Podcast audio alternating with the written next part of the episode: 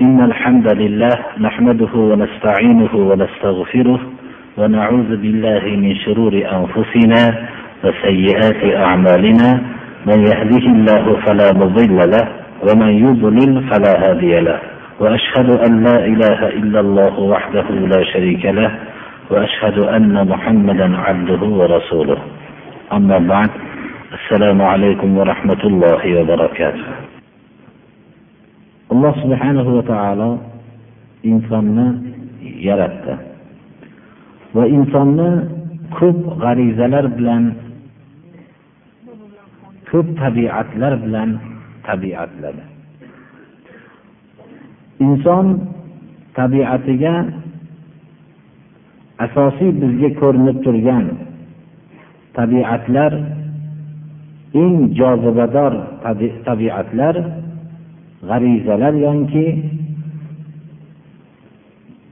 yemoq va ichmoq g'arizasi va jins g'arizasi va inson boshqa bir hayotdagi ehtiyojotlar g'arizasi eng jozibador g'arizalar ichiga kiradi. Bu g'arizalar ichida shunday jozibador g'arizalar borki agar bu g'arizalar qondirilmasa u har qanday yo'l bilan u qondirishlikka o'zini qondirishlikka harakat qiladi. Mana bu g'arizalardan bittasi misol yemoq g'arizasi bu qondirilmasa hech sabr qilib o'rnini to'ldirib bo'lmaydi. Agar islom buyurgan toyibotlardan iste'mol qilib halol narsalarni iste'mol qilishlik bilan qondirilsa bu g'ariza oromlanadi. Agar bu yo'l bilan qondirilmasa qandaydir bir harom yo'l bilan ham qondiriladi. U bilan xotirjamlik hosil bo'lmaydida u beqaror bo'la boshlaydi. Masalan hayoti bo'yi o'g'rilik qilib o'zini yemoq g'arizasini qondirgan odam bu yegan narsasi bilan oromlanmaydi. Nima uchun? Alloh subhana va taolo bu g'arizani qondirish yo'lini to'g'ri yo'lini bu bilan ko'rsatmagan. Jins g'arizasi nikoh shar'iy nikoh bilan qondirishlikni islom ko'rsatmasi bilan agar qondirmasa buni g'ayri shar'iy yo'liki zino yoyinki lilotagarlik mana bu uslubi bilan qondirsa bu g'arizani qondirish yo'li noto'g'ri bo'lganligi uchun olloh ko'rsatmasi asosida bo'lmaganligi uchun beqaror bo'lib qolaveradi. Umrbod hayoti bo'yicha fohishabod bo'lib o'tgan odamlar ham bu g'ariza bilan orom hosil bo'lgan emas shuning uchun islom insonni shunday beqaror holatda qolishligini xohlamadida inson tarkibida alloh subhana va taolo son sanoqsiz g'arizalarni yaratgan bo'lsa bu g'arizalarning qondirish yo'lini ham yo'llab ko'rsatdi. Bu bizning islom dinimizning asosi qur'on va hadisda hamma g'ariza buyurilgan narsalar inson qalbidagi g'arizalarning qondirish buyruqlari qaytarilgan narsalar noto'g'ri qondirilishligidan saqlab qolishlikka undaydi. Bu g'arizalarning bittasi insonning ko'rmagan narsasiga ishonishlik g'arizasidir. Inson har qanday o'ziga noto'g'ri bir falsafalarga ishonib yashasa ham ya'ni ko'ziga ko'ringan narsasiga ishonadigan falsafada agar insonning umri ming yil bo'lsa ming yil o'tib ham baribir ko'rinmagan bir olam borligini isbotlab turaveradi.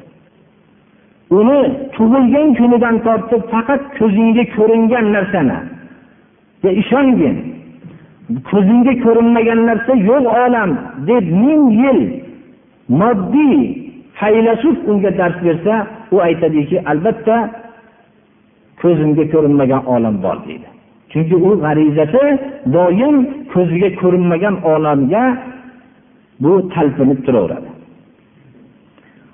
Lekin bu g'arizani islom ko'rsatmasi asosida qoniqtirilmasa inson bir bu g'arizasini qondirish yo'lida xuddi boshqa g'arizalarni islom yo'li bilan ko'rsatmasi bilan qondirmay kulgili bo'lib qolganga o'xshagan bu yo'lda ham kulgili bo'lib qolaveradi. Mana bu g'aybga ishonishlik ko'ziga ko'rinmagan olamga ishonishlik bu islomning g'ayibga bo'lgan ishonish g'arizasining talpinishligini qondirish yo'lidir. Islom ko'rsatmasi asosida bo'lmoqligi kerak. Bo'lmasam qandaydir bir noto'g'ri uslublar bilan qondiradi yoyinki ko'zga ko'rinmagan olam goho ko'ringanligi birovlar tarafidan aytilinganda unga nom qo'yishlikka shoshib qoladi. Ba'zi millatlarda eshitiladiki bola tug'ilgan vaqtida tug'ilishi bilan eshikka chiqadida ko'ziga nima ko'rinsa shuni nomini bolaga qo'yib qo'yaveradigan millatlarni eshitilib yuradi hatto ko'ziga tezak ko'rinsa tezak qilib qo'yib qo'yaveradi deydi. Haqiqatda ham bu mana ko'p millatlarda shu narsani ko'pchilik eshitgan. Shunga o'xshagan biz hozir bu narsani kulgili deyapmiz lekin ba'zi taraflardan qo'yilayotgan nomlarni hech kulgili deb bilmaymiz. Masalan ko'zga ko'rinmayotgan olam yo'q deb yurgan kishilar ko'ziga ko'ringan olamni aniq shu ko'ziga ko'ringan olamgagina ishon deb yurgan odamlarga ko'rinib qolgan. Ko'ziga ko'rinmagan olamga ishonmay yurgan odamlar ko'rib qolgan. Agar musulmonlar aytganda bu musulmonlar doim xurofiy degan bo'lardi. Lekin ular mutlaqo islomga aloqasi yo'q odamlar tarafidan hikoya qilinganda uni ko'rinishligi agar bir likopga o'xshagan bo'lsa likopcha deb nom qo'yib qo'yilgan. Chunki ko'ziga ko'ringan narsa shu bo'lganligi uchun shuni nomini qo'yib qo'yilgan. Kattaroq bo'lsa kim biladi endi uni kattarog'ini birov ko'rsa jon deb nom qo'yib qo'yaveradi. Ana shuning uchun ko'ziga ko'rinmagan olamga ishongan kishilar g'aybni biluvchi zot haqidan bo'lgan xabarni tasdiqlashadi.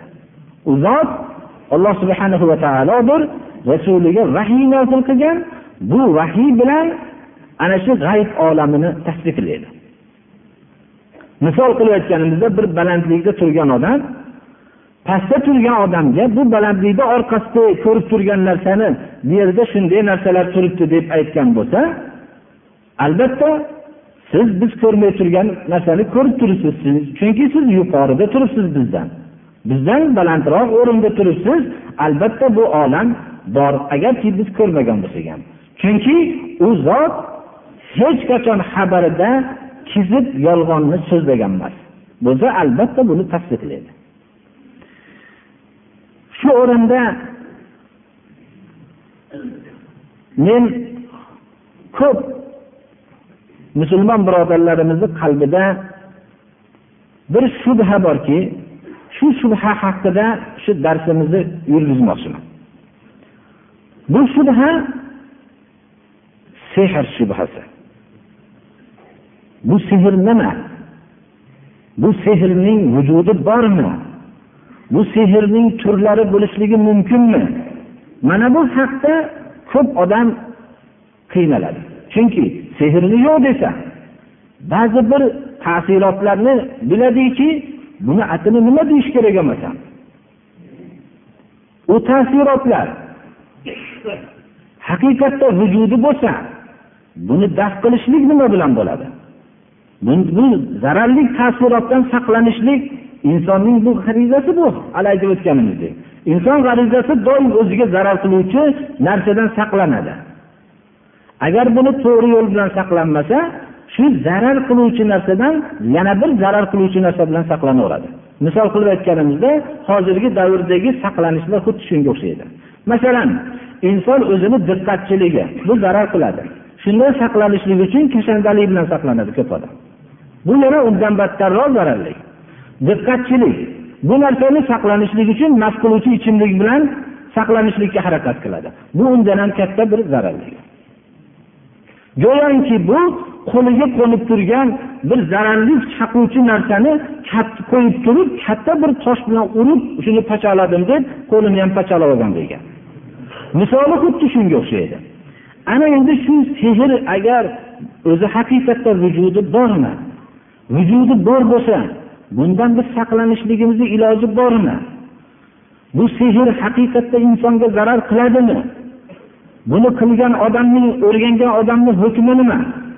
Biror bir mo'min kishi o'zini dushmani uchun bu sehrni o'rganib shu dushmaniga zarar yetkazsa bo'ladimi? Mana bu hukmlar musulmonni qalbini chulg'aydi mana bu haqda biz asosiy marjiimiz bo'lgan qur'oni karimga qaytishligimizdan ilgari sehr haqida o'tgan payg'ambarimiz sollallohu alayhi vasallamning davridan ilgarigi davrlarda ham bu sehr bo'lganmi yo'qmi? Mana bu haqda bizga qur'oni karim xabar beradi. Alloh subhana va taolo bizga xabar beradiki sehr fir'avn zamonasida bor bo'lganligini va fir'avn davri sehrgarlar bilan to'la bo'lganligi ular ollohning payg'ambari muso alayhissalomning mo'jizotlariga sehr bilan qarama qarshi chiqishlikni maqsad qilganligini odamlar bu muso sehrgar deb davo qilishgandan keyin muso alayhissalomdagi mo'jizani ular sehr deb tajovuz ko'rishgan qur'oni karim mana muso alayhissalomni davrida u kishini bu juda kuchli sehrgar deb tuhmat qilishganligi va shu bilan sehrgarlar bilan musobaqa o'ynatganligini. Chunki inson doim hali aytib o'tganimizdek ko'ziga ko'rinmagan bir kuch bor bo'lishligini inson bir odam bilan raqib dushmanlik qiladigan bo'lsa dushman ko'rinib turgan bo'lsa unga tayyorgarlik ko'rishlik mumkin birodarlar lekin ko'rinmay turgan bir dushmanlik bo'lsa unga ko'rinib turgan dushmanlik bilan dushmanlik qilishlik imkoniyati yo'q. Shuning muqobilasiga u ham bir ko'rinmay turadigan bir dushmanlikni ixtiro qilishni xohlaydi. Va bu narsa eng kuchli harakat deb biladi. Shuning uchun ham sehrgar deb davo qilingan ollohning ulug' payg'ambariga bular ham ko'rinmay turadigan o'zlarining sehrgarligi bilan qarshi chiqishdi. Hatto bularning sehrlari odamlarni qo'rqitdi ham. Mana biz ba'zi bir qur'oni karimdan bo'lgan darslarimizda bayon qildik. Xullas ular o'zlarining arqonlarini o'rtaga tashlashligi bilan ko'p son sanoqsiz ilonlarga aylandi. Hatto muso alayhissalomdek zot qo'rqdilar muso alayhissalomga alloh taolo vahiy qildiki qo'lingizdagi asoni tashlang dedi. Bu kishi tashladilar hamma sehrlarni ilon buliga aylangan sehrni yutdilarda qo'llariga aso bo'lib keldi. Sehrgarlar bilishdiki bu sehr emas chunki ular sehrni ilmini bilishardi. Bu ko'rinayotgan narsa sehr emas mo'jiza ekanligini bilishdilarda alloh subhana va taologa iymon keltirishdilar. Fir'avn o'zining misli ko'rilmagan vahshiyligini qildi. Ularning xurmo daraxtlariga jasadlarni bo'lib osib tashladi. Ular iymondan qaytishmadilar.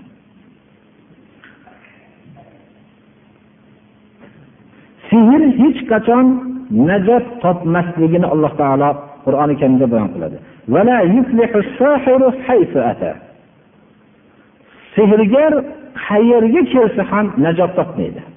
Ya'ni u bir sharmanda nopok inson deb e'tibor qilinadi hatto bular o'tgan payg'ambarlarni odamlar sehrgar deyishdi. Solih alayhissalomni deyishdi. Solih alayhissalomdan mo'jiza talab qilishdi. U kishiga alloh subhana va taolo tuya mo'jizasini berdi. Bu mo'jizani ular sen sehrgarlardansan deyishdi.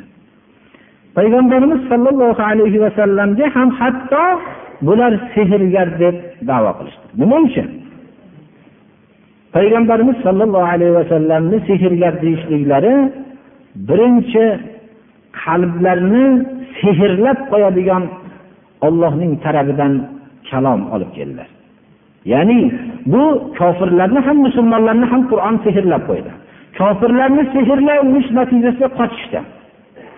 Musulmonlar sehrlanib payg'ambarimiz sollallohu alayhi vasallamning atroflariga jamlashdi. Bu ya'ni sehr kalimasi bizga bu yerda hozir birodarlar ya'ni bu majoziy kalima bilan aytyapmiz. Qur'on qalblarni shunday ushlab qolgan edi.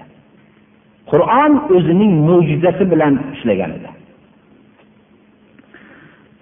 Payg'ambarimiz sollallohu alayhi vasallamning yana sehrgar deyishliklariga o'zlarining botil hujjatlarini olib kelishib mana ota bolani ajratib yuboryapti deyishyapti. Chunki iymon bir kishining qalbiga kirib qolsa u yo'ldan chiqolmasdi. Chunki iymonning lazzatini bir tatigan kishi bu yo'ldan hech qachon qaytmasdi.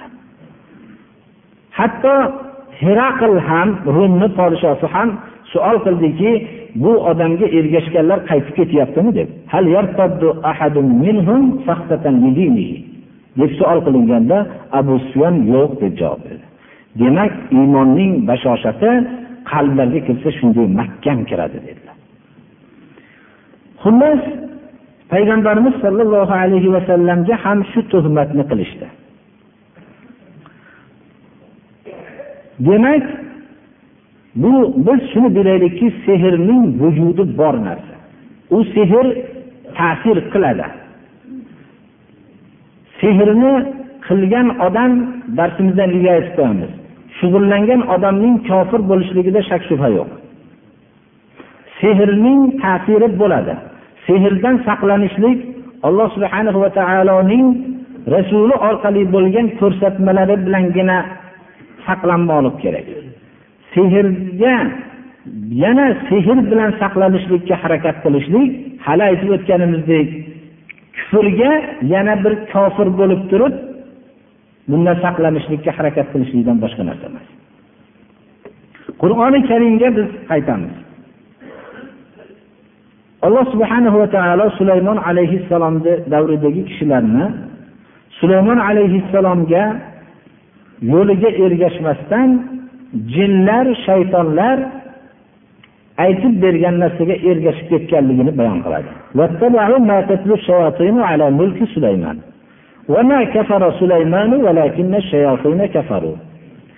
Ular jinlar sulaymon alayhissalomni davrida ularga o'rgatgan yo'llariga ergashishdi ollohni kitobini tashlashdi. Zaburni alloh taolo dovud alayhissalomga sulaymon alayhissalomning dadalariga nozil qilgan edi. Bu zaburga ergashmasdan ular sehr yo'llariga ergashib ketishdi.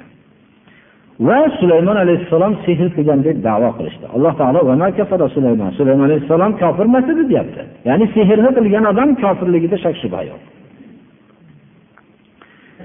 Sehrning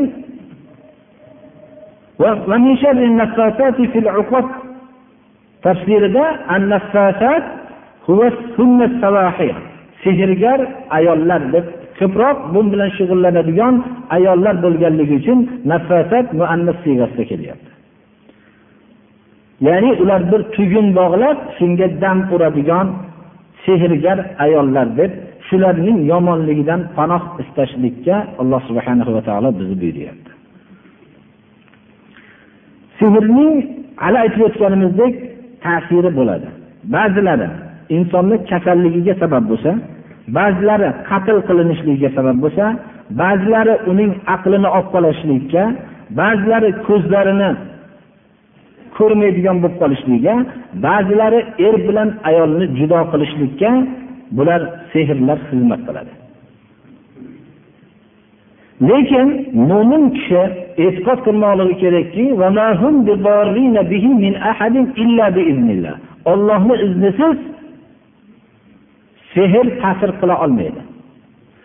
Mo'min kishining tasavvurida har bir narsada o'ziga xos bir xususiyat bor olamda lekin bu narsalar ollohni iznisiz foyda ham yetkazolmaydi zarar ham yetkazolmaydi shunday bo'lsa ham biz ma'murmiz zarar qiluvchi yirtqich hayvonlardan saqlanishlikka o'zimizning himoya asboblarimiz bilan va allohga yolborishligimiz bilan saqlanishlikka ma'mur bo'lganimizdek sehrdan ham saqlanishlikka ollohning ko'rsatmasi asosidagina saqlanishlikka ma'murmiz.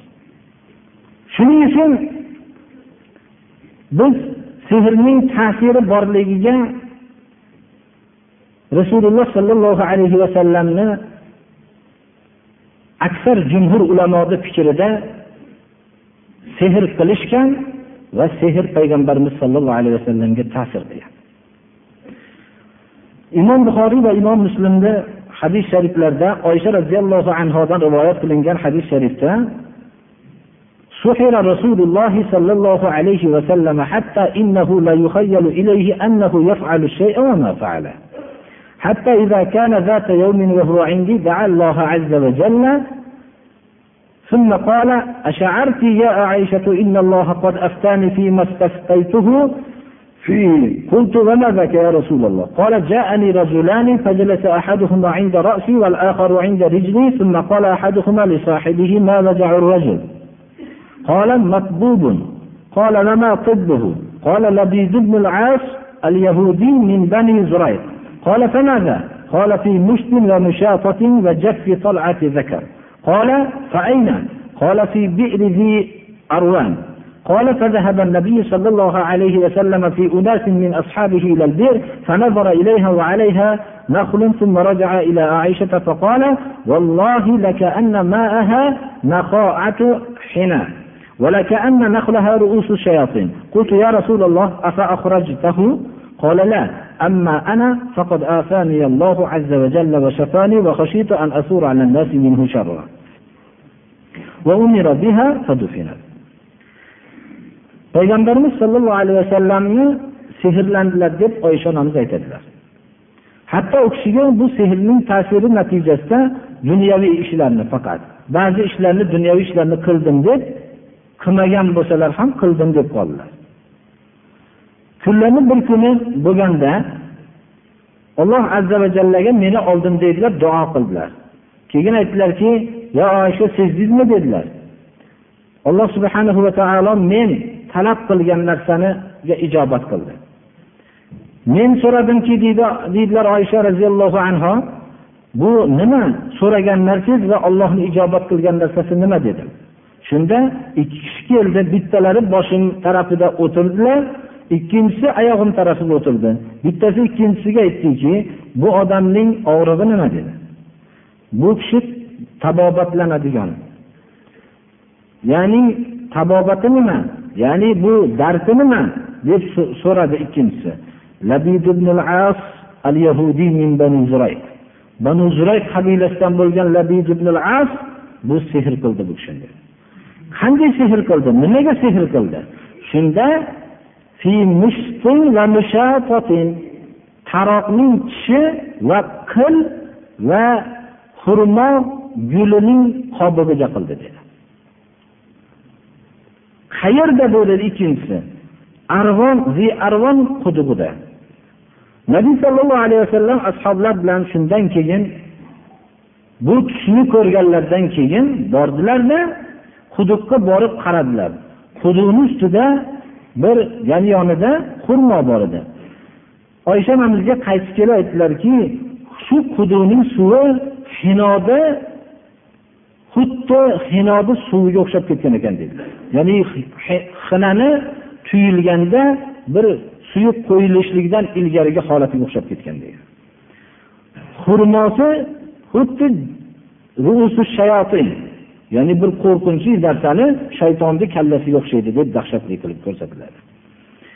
Men aytdimki deydilar oysha roziyallohu anhu chiqardingizmi shu narsani? Deganlarda yo'q ammo menga alloh subhanahu va taolo shifo berdi. Men odamlarga bu narsadan biror bir narsa yomonlik fitna paydo bo'lib qolishligidan qo'rqdim dedilar. Ba'zi rivoyatlarda buni chiqartirishlikka buyurganlar. Ba'zi rivoyatlarda boshqa rivoyatlarda roufa quduqning ichiga suvni ustidan chiqib ko'rinib turadigan katta tosh qo'yib qo'yinar ekan. Suv olmoqchi bo'lgan odam toshni ustiga chiqib suv olar ekan. Shu toshni ostiga qo'yganligini rivoyat qilinadi. Payg'ambarimiz sollallohu alayhi vasallamga alloh subhanahu va taolo shifo berdi. Ba'zi rivoyatlarda muavvizaton qul auzu bi robbil falaq qul auzu bi robbin nas suralari shunda nozil bo'lgan deydi inson bu sehrni ta'siri bo'lishligini hayotdagi ba'zi narsalardan ham bilsa bo'ladi. Inson ba'zi jismlarni ko'radiki ko'rinishda bir xil bo'lgani bilan uning ta'siri o'ziga xos bir ta'siri bor. Masalan zahar. Bu narsa insonni qatl qilinishligiga sabab bo'lishligi. Yoyinki ba'zi narsalar qattiq bir og'rishligiga sabab bo'ladigan. Ba'zi narsalar biror bir uning badaniga zarar qilishligiga biror bir jarohat chiqishligiga sabab bo'ladigan narsalarni hayotda ko'radi. Demak shundan bilinadiki ko'rinishda boshqa o'simlik yo boshqa narsalarga o'xshagani bilan uning o'ziga xos boshqa bir xususiyati borligini zararli bir xususiyati borligini his qiladi. Shunga o'xshagan insonlarni ichida ham insonga alloh subhana va taolo mana shunday ba'zi bir zarar yetkazadigan ana shunaqa xususiyatlar egasi qilib qo'yishligi mumkinligini ham isbotlashi bu hech qachon uzoq narsa emas. Shuning uchun biz bu yerda shuni bilmoqligimiz kerakki demak aqoidlarda sehrning vujudi haq bundan saqlanmoqlik kerak degan narsa bor. Shuning uchun biz mana shu oyatni tafsiri bilan kifoyalanamiz. Shunga sehrga to'la javob bo'ladi. Shaytonlar aytib bergan sulaymon alayhissalomning davridagi holatga ergashib ketdi. Ya'ni shaytonlarni so'ziga ergashib olloh tarafidan nozil bo'lgan zaburni tashlashdi odamlar. Sulaymon alayhissalom sehr bilan shug'ullanib kofir bo'lgan kishi emas edi. U kishi ollohning ulug' payg'ambari edi. Degan so'z dalolat qiladiki kim sehr bilan shug'ullansa kofir bo'lishligiga lekin shaytonlar kofir edi. Kofir bo'lishlari sabab odamlarga sehrni ta'lim berishadi وما أنزل على الملكين ببابل هاروت وماروت وما يعلمان من أحد حتى يقولا إنما نحن فتنة فلا تكفر alloh subhanahu va taolo shunda savol bo'ladiki bu yerda qur'oni karimda ikki malak ikkita farishtani tushirilingan bobil shahriga horut va ta'lim bergan shunda ikki malak ikkita farishtani tushirilingan bobil shahriga horut va morutni bular sehrni odamlarga ta'lim berganu? degan savol tushadi. Alloh subhanahu va taolo olamda halol narsalarni ham yaratdi harom narsalarni ham yaratdi. Bu narsalarning ba'zisi yemoqqa taalluq topadi ba'zisi qiladigan ishga taalluq topadi. Masalan to'ng'iz go'shti o'limtiklarning go'shti harom. Mast qiluvchi ichimlik harom. Ba'zi narsalar fe'lga taalluq topadi. Qimor o'ynashlik harom. Bu tolgunlik harom. Mana bu narsalarni muqobilasida halol narsalarni ham yaratdi. Shu bir narsaga halol narsalarni qilishga yeyishga buyurdi. Harom narsalarni yeyishdan bosh tortishlikka buyurganga o'xshagan va qiladigan narsalardan qilmaslikka harom narsalarni qilmaslikka buyurganga o'xshagan.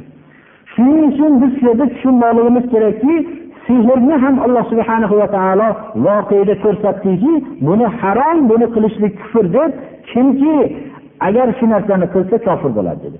Imtihon uchun yaratdi. Imtihon deb ikki narsa bo'lsa shu narsani ikkovini xohlaganda qilishlikda muhayyor bo'lib ixtiyorlik bo'lsangiz shunda sizda imtihon vujudga keladi. Bo'lmasam to'ng'iz go'shti bo'lmasa to'ng'iz go'shtini yemanglar desa bu imtihon bo'lmaydi hech qachon. Imtihon degan narsa ro'baro'da yaxshi va yomonlik bor. Bittasini qilishlikka va bittasidan qaytishlikka buyurilgan suratdagina imtihon vujudga keladi. Mana bu ham sehrni alloh subhana va taolo horut va morutga bildirdi. Ollohning ikkita farishtasi bular biror kishiga ta'lim bermasdi. Hatto aytishardiki biz imtihonmiz.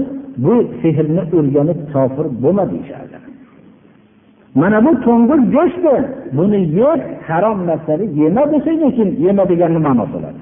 O'zi yo'q narsani yema desa o'zi yo'q bo'lgan narsani qilma deyishlikni ma'nosi yo'q. Odamzodni yana tabiatida yana g'ariza haqida gapiramiz. Insonni tabiatida go'yoki bir odamni bir narsaga qildirmoqchi bo'lsangiz go'yoki shu narsani qilma qiladi. Inson doim qaytargan narsadan qilishlikka hukmlik qiladi. Shuni qilsam nima bo'lar ekan deydi.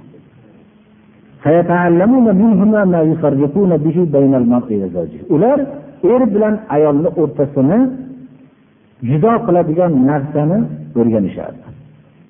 Chunki bu shaytonlarni ishi edi. Shaytonlarga ro'zg'orlar buzilsa ularning bozori chaqqon bo'ladi.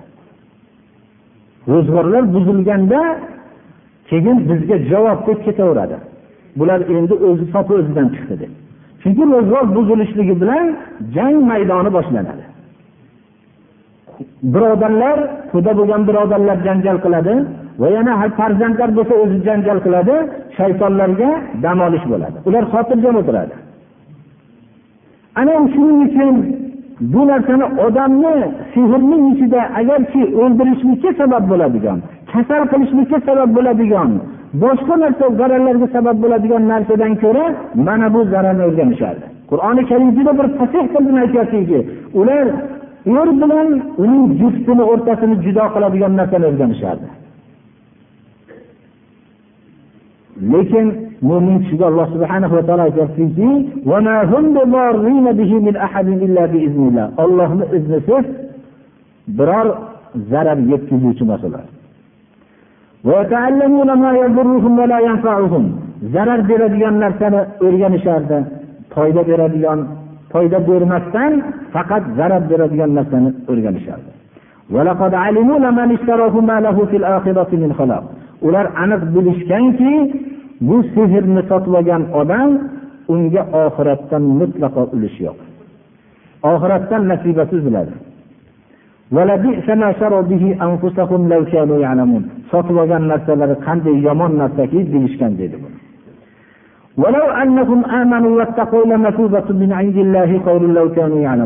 agar ular iymon keltirishganda ya'ni sehr bilan kofir bo'lishuvdi endi iymon keltirishganda sehrdan saqlanishib sehrdan voz kechishganda ollohni huzurida ularga bo'lgan ajr savoblar yaxshi edi buni bilishganlarda deydi alloh. Demak biz mana shu oyatdan va boshqa bir hadis shariflardan rasululloh sollallohu alayhi vasallamning ko'rsatmalaridan shuni bilamizki qaysi odam sehr bilan shug'ullansa kufr sehrni o'rganish va o'rgatish kufr sehrning ta'siri bormi? Bor. Sehrdan biz saqlanishligimiz kerakmi? Xuddi zararli narsalardan saqlangan qatori saqlanamiz. Lekin sehrdan yana bir boshqa sehrgarni oldiga borib shundan saqlab bering deb bormaymiz. Bu kufrdan bir kufr bilan saqlanishlikdan boshqa narsa emas. Qur'oni karim bizga nozil qilgan sura muavvizaton mana ikkita sura va mashhur duolar bilan saqlanishlikka biz ma'murmiz. Doim ollohdan panoh istab qilib yuramizki sehrning ta'siridan o'zini saqlagin deb.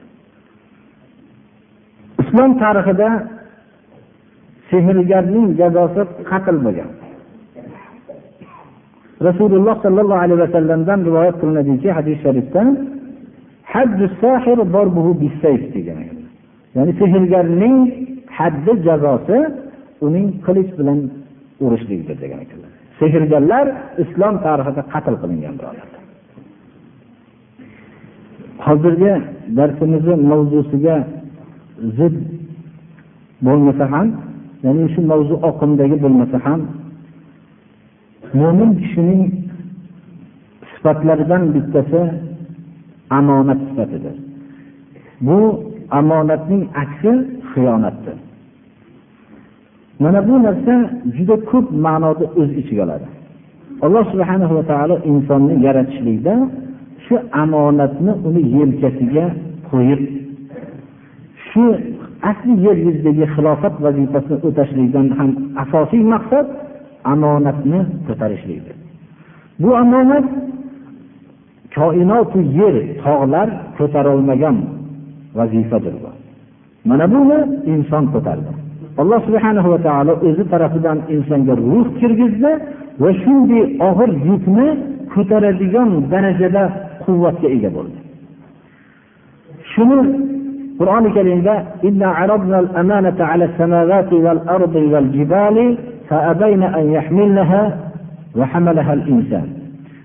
omonatni koinot yer tog'larga ko'rdalang qildik ular qo'rqdi buni boshib ko'tarishlik buni ko'tarishlikdan koinot yer va tog'lar qo'rqdi. Ammo inson buni ko'tardi. Olloh tarafidan shu tuproqqa ruh kirishligi bilan shu omonatni ko'tarolmaydigan qobiliyat egasiga aylandi. Va bu qobiliyat egasi bo'lishi bilan birga birodarlar bu vazifaning tog'lar koinot yerlar ko'tarishlikdan bosh tortgan qo'rqqan vazifa ekanligini ham bilmoqligimiz kerak. Alloh subhanahu va taolo qur'oni karimda dedi. Shu omonatga xiyonat qiluvchilarni olloh yaxshi ko'rmaydi dedi. Mo'min odamga olloh yaxshi ko'rmaydi degan o'zi so'z yetadi. Bu omonatni ko'targan kishilarning zotlarning ustozi rasululloh sollallohu alayhi vasallamdir rasululloh sollallohu alayhi vasallamning qirq yoshgacha nomlarini muhammad deyishmasdi muhammad amin deyishardi. Ya'ni omonatlik muhammad deyishardi. Payg'ambarimiz sollallohu alayhi vasallamning nomlarini alohida muhammad deyishmasdi muhammad amin deyishardi. Bu so'z o'zi qanchalik bu kishini alloh subhana va taolo risolatdan ilgari bir omonatdor qilganligini shu omonat mo'minning eng birinchi sifati bo'lmoqligi kerakligiga dalolat qiladi birodarlar va insonning boshqa sohadagi ba'zi bir xulqlarining past darajada bo'lishligi agar shu sifati bo'lsa unga hech qanday zarar qilmasa kerak. Shuning uchun ham umar ibn hattob ba'zi sahobalarga tamannov dedilar. Bir qani ko'ngillarda orzularni qilinglarchi dedilar bittalari aytdilarki shu o'tirgan uyimiz to'la oltin bo'lib qolsayu ollohni huzurida ollohni yo'lida ehson qilsam dedilar. Bittalari aytdilarki yana orzu qilinglar dedilar. Bittalari shu undan ham qimmatbaho bir zumrat zabarjad bo'lib qolsayu shuni ollohni yo'lida ehson qilsam dedilar. Yana orzu qilinglar deganlarda o'ziz ham orzu qilingki deganlarda shu abu ubayda va talhaga o'xshagan odamlar bilan shu uy to'ldirib bo'lsa dedilar. Abu ubayda roziyallohu anhu aminu hadihil umma shu islom ummatining omonatdor kishisi deb laqablanganlar. Rasululloh sollallohu alayhi vasallamning tillari bilan. U kishining omonatdorligi haqida gapirilsa odamlar xususan hozirgi zamonda bu qanday bunga ishonib bo'ladi? Nahotki inson ham shunday bo'lishi mumkinmi deb o'ylab qolishi mumkin? alloh subhanahu va taoloning xoinlarni olloh yaxshi ko'rmaydi degan oyat o'zi kifoya qiladi bularga ayatul munafiqi salas إذا حدث كذب وإذا اؤتمن خان وإذا خاصم فجر shu hadis sharif kifoya qiladi munofiqning uchta belgisi bor yer kurrasida hech kim o'zini munofiqman demaydi Munofiqlikdan boshqa sifati yo'q bo'lgan odam ham munofiqman demaydi unda vaholanki munofiqlikdan boshqa sifati yo'q o'zi.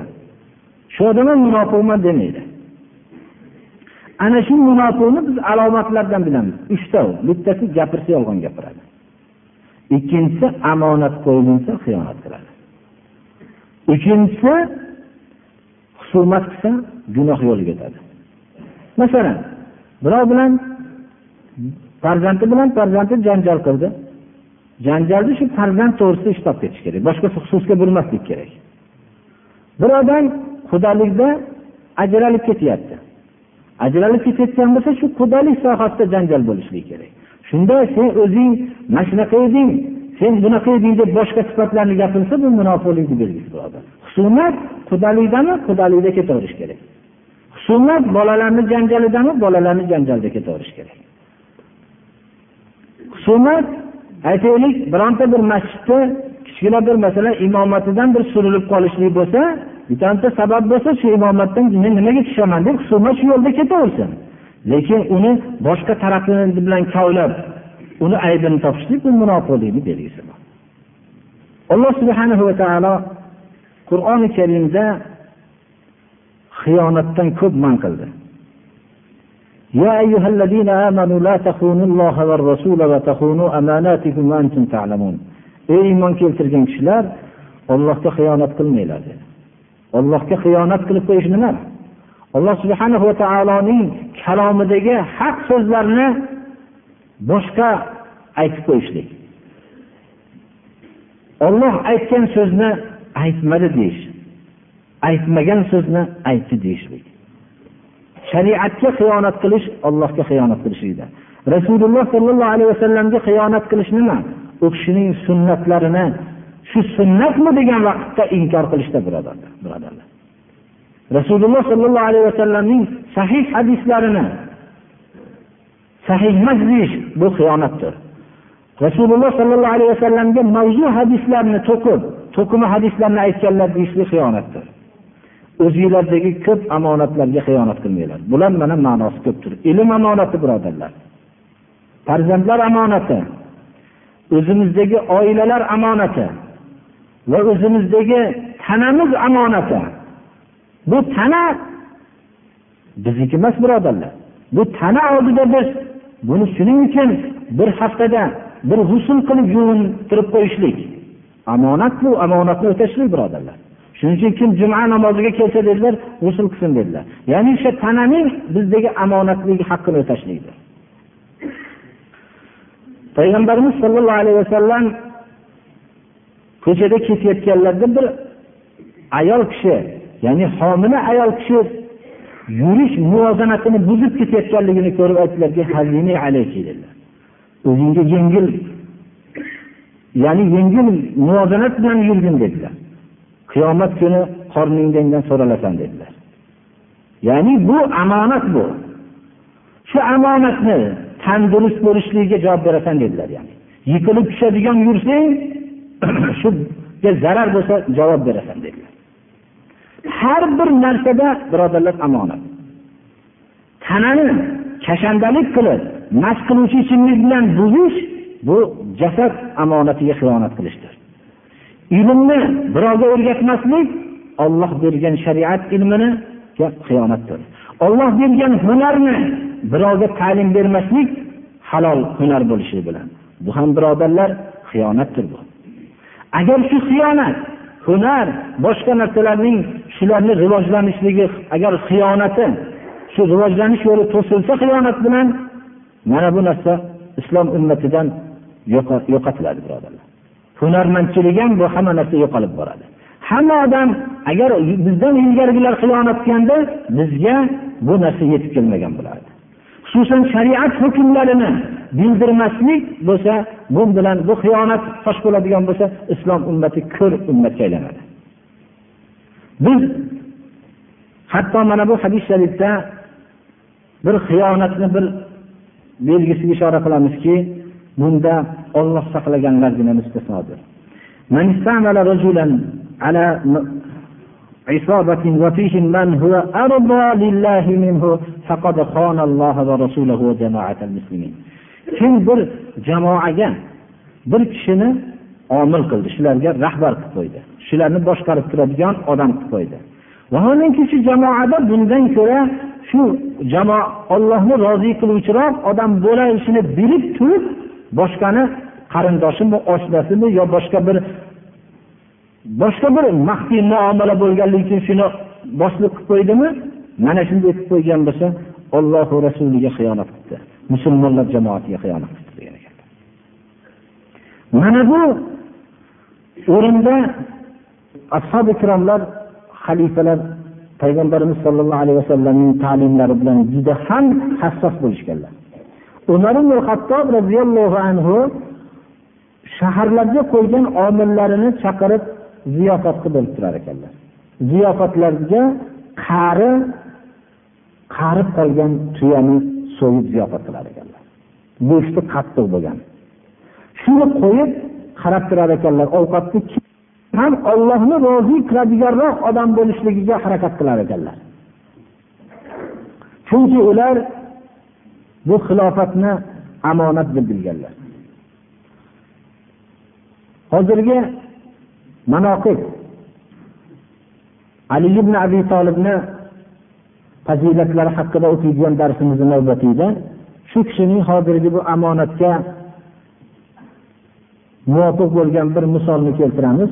Ali ibn abi tolib doim baytul moldagi ya'ni musulmonlar xazinasida turgan mollarni taqsim taqsimda bo'lib turib shu yerni supurtirib tozalab shu yerda ikki rakat namoz o'qir ekanlar alhamdulillah men musulmonlarning biror molini saqlab turganim yo'q deb shu ikki rakat namoz o'qir ekanlar shukronasiga shunchalik bular o'zlarining shu baytul mollarga shunchalik amin omonatli bo'lishganlar birodarlar إذا حدث رجل رجلا بحديث ثم التفت فهو أمانة bir kishi bir odamga bir gapni gapirib shunday bir qarab qo'ysa ya'ni shu bilan shu gap shu yerda qolsin deganga ishora qilib desa shu omonat bo'ladi. Shuni boshqa yerga oshkor qiladigan bo'lsa xiyonatdir. Majlislar omonat bilan bo'lmoqligi kerak uchta majlisni oshkor qilsa bo'ladi. Bittasi bir odam nohaq odam o'ldirganligini ko'rdi. Buni aytish kerak. Mana shu odam nohaq odam o'ldirdi dedi. Buni omonat demaydi. Ikkinchi farjin harom. Zino bilan shug'ullanganligini oshkor bildi. Bilgandan keyin shuni to'rtta guvoh. Shuni ochiq zino holatida ko'rgan bo'lsa to'ra guvoh aytsa uni jazosini oladi. Ya'ni buni oshkor qilgan shu majlisdagi holatga xiyonat qilding deb aytilmaydi birovni molini nohaq tortib olganligini ko'rdi. Shuni aytsa bu majlisga shu suhbatga xiyonat bo'lmaydi. Alloh subhanahu va taolo hammamizni ham omonatdor kishilardan qilsin. Islom tarixini inson o'qir ekan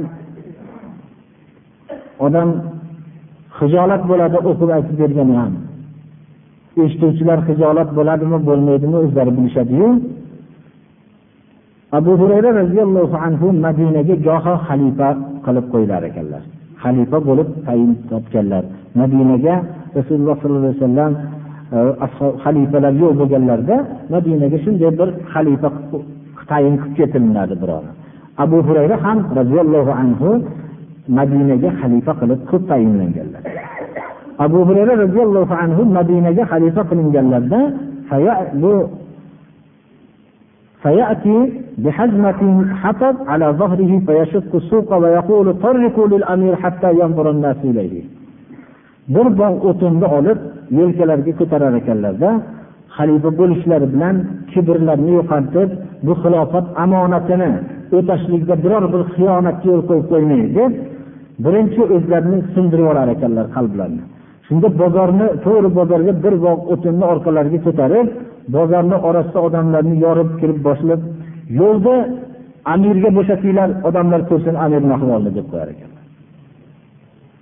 Birovdan shunaqa qilsa aytishi mumkin bu odam bir misol shunaqa qilsa riyo uchun qilar ekanda degan gap qalbidan o'tishi mumkin. Birov boshqa odam qilsa sahobalar haqida buni deyolmaymiz necha odamga aytamanki keling siz ham bo'lsa hali bir shaharni voliysi emassiz yo bir mahallani kattasi emassizu siz shu riyo uchun ham bo'lsa bir qilib ko'ring deyman riyo uchun bo'lsa ham bir qilib ko'rsinchi shuni qilolmaydi uni ba'zi bir kishilarga odamlar islomda bu xilofatni voliylikni omonat deb bilishganlar. Chunki voliylikdan qiyin narsa yo'q islomda. Nima uchun? Voliy bo'lgan odam yaxshi yeyolmaydi yaxshi kiyolmaydi yaxshi turolmaydi. Oddiy kimsaga o'xshagan bo'lib yurishligi lozim. Rasululloh sollallohu alayhi vasallam muazim jabalni yamanga jo'nab ketganlarida uchta shart qildilar chunki yaman nihoyatda dunyo bilan quvongan odamlarning diyori edi. Uchta narsani aytdilar. Birinchi markab minmaysiz dedilar. Piyoda yurasiz dedilar. Ikkinchi hubzi naqiy ya'ni elaylangan un dedilar. Nonni elamasdan yeysiz dedilar. Uchinchi odamlardan bekinmaysiz dedilar. Dardini sizni ko'chada ketayotganingizda aytaveradi sizga dedilar. Ayting markabni minolmasangiz elangan nonni yemasangiz biror bir odamlardan bekinib yurmasangiz shu yuraveradigan bo'lsangiz sizni bitta hay'atni qorovulidan nima farqingiz bor sizni undan ko'ra siz bu voliy bo'lmasdan men yaxshi kiyib yaxshi yeb shariat man qilmagan sizni yaxshi yeng yaxshi kiying yaxshi markablarda minib yuring shariat haloldan topib siz shunga yuravering degan. Lekin voliy bo'lsangiz oddiy odamlarni holatida yurishlikka majbursiz. Bundan murod islomdagi voliy markab minmaydi degani emas albatta. O'zini muhitiga qarab turishini majbur lekin o'rtachalikdan ortiqqa o'tolmaydi. Bunday bo'lgandan keyin voliylikka kim voliy bo'ladi desa hamma qomus bo'lib ketadi. O'zini voliy qilib saylashga hech pul sarf qilmaydi targ'ib ham qilmaydi. Targ'ib qiladiki meni mabodo voliy qilib qo'ymanglar deb ana shundan keyin hadis shariflar borki kimni o'zini voliylikka qiziqsa alloh subhana va taolo shunga o'zini topshirib beradi. Shu bilan qiynalaveradi agar qiziqmasa haris bo'lmasa olloh uni yordamchisi bo'ladi. Shuning uchun uni ishi to'g'ri ketaveradi. Umar ibn hattob roziyallohu anhu xalifalik vaqtlarida menga quloq solib itoat qilinglar deganlarda quloq ham solmaymiz itoat ham qilmaymiz magar bir kishi turdilarda u libosingizga ulangan yangi ulovni qayerdan topganingizni aytmasangiz itoat ham qilmaymiz quloq ham solmaymiz dedilar. Shunda aytdilarki abdulloh ibn umar o'g'illarini chaqirdilar. Chunki xalifaning islomda hayoti ochiq bo'ladi. Uning hamma moli mulki qanchaligi nima yeyotgani nima kiyayotgani ko'rinib turadi. Shunda abdulloh ibn umar dedilar o'g'illarni chaqirdilar. Mana bu o'g'lim shuni menga sovg'a qiluvdi. Libosim kaltaroq bo'lib qolganda ulab oldim to'g'rimi dedilar to'g'ri dedilar. Unday bo'lsa quloq ham solamiz itoat ham qilamiz dedilar. Shunda aytgan ekanlarki alhamdulillah umarni tarbiyalagan odamlarni ichida shunday kishilarni olloh yetishtirib chiqardi degan ekanlar. Ya'ni allohga hamd aytgan ekanlar. Shundan bilamizki birodarlar islomdagi bu ishlar hammasi omonat deb bilmoqlik kerak. Mana shu sifat yo'qolishligi bilan jamiyat buzilaveradi birodarlar. Omonatga qaytishlikdaqa eng yaxshi narsadir birodarlar. Bu kichkina kichkina omonatlardan tarbiyalanib borishlik bilan bo'ladi. Bizda mag'lubiyat ham mana shu sifatning yo'qolganligidandir. Islomning haqiqiy ko'rinishi ham mana shu omonatni tiklanishlik bilan bo'ladi birodar alloh subhana va taolo hammamizni xoinlardan bo'lib qolishlikdan saqlasin. Omonatli kishilardan bo'lishlikka alloh taolo hammamizga tavfiq bersin. Kitob darsimizni mavzusidan boshqa bo'lsa ham ba'zi bir hozirgi dunyoyimiz birodarlar omonatdan chiqib bo'lganligiga ancha bo'lgan bo'lsa keraku lekin xiyonatning oxiriga yetib qolmasdan shuni gapirib qo'yyapti yusuf va zulayho haqidagi ba'zi tafsirlar bo'ladi. Bir kishi shuni eshitib ko'p yig'lagan ekan. Boshqalar xafa bo'lishibdiki ya'ni bizni bir qalbimiz toza emas ekanda bu odam juda yaxshi tushundilar bu darsni desa tushunmagan savollar bo'lsa so'ranglar desa hamma tushunarli bo'ldiyu zulayho erkak kishimidi xotin kishimidi? degan ekan misol savollar shunaqa bo'lib qolmasligi kerak demoqchiman bu sadaqotlarning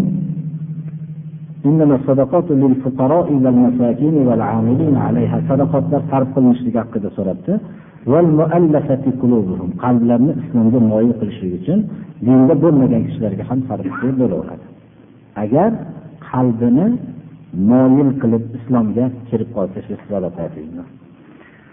lekin aytganlarki ovqatingni taqvodor odam yesin deganlar. Faqat taqvodor odamga yeyishga nasib bo'lsin. Shuning uchun ovqat yeganda rasululloh sollallohu alayhi vasallamning o'zi dasturxonda turib uzundan uzun duolar qilamiz. Hamda o'zimni bola chaqasini qo'y mollariyu hamma ishaklarigacha duo qilib yuboramiz misol lekin aslida payg'ambarimiz sollallohu alayhi vasallamning duolari ovqatingizni sodiq odamlar yesin.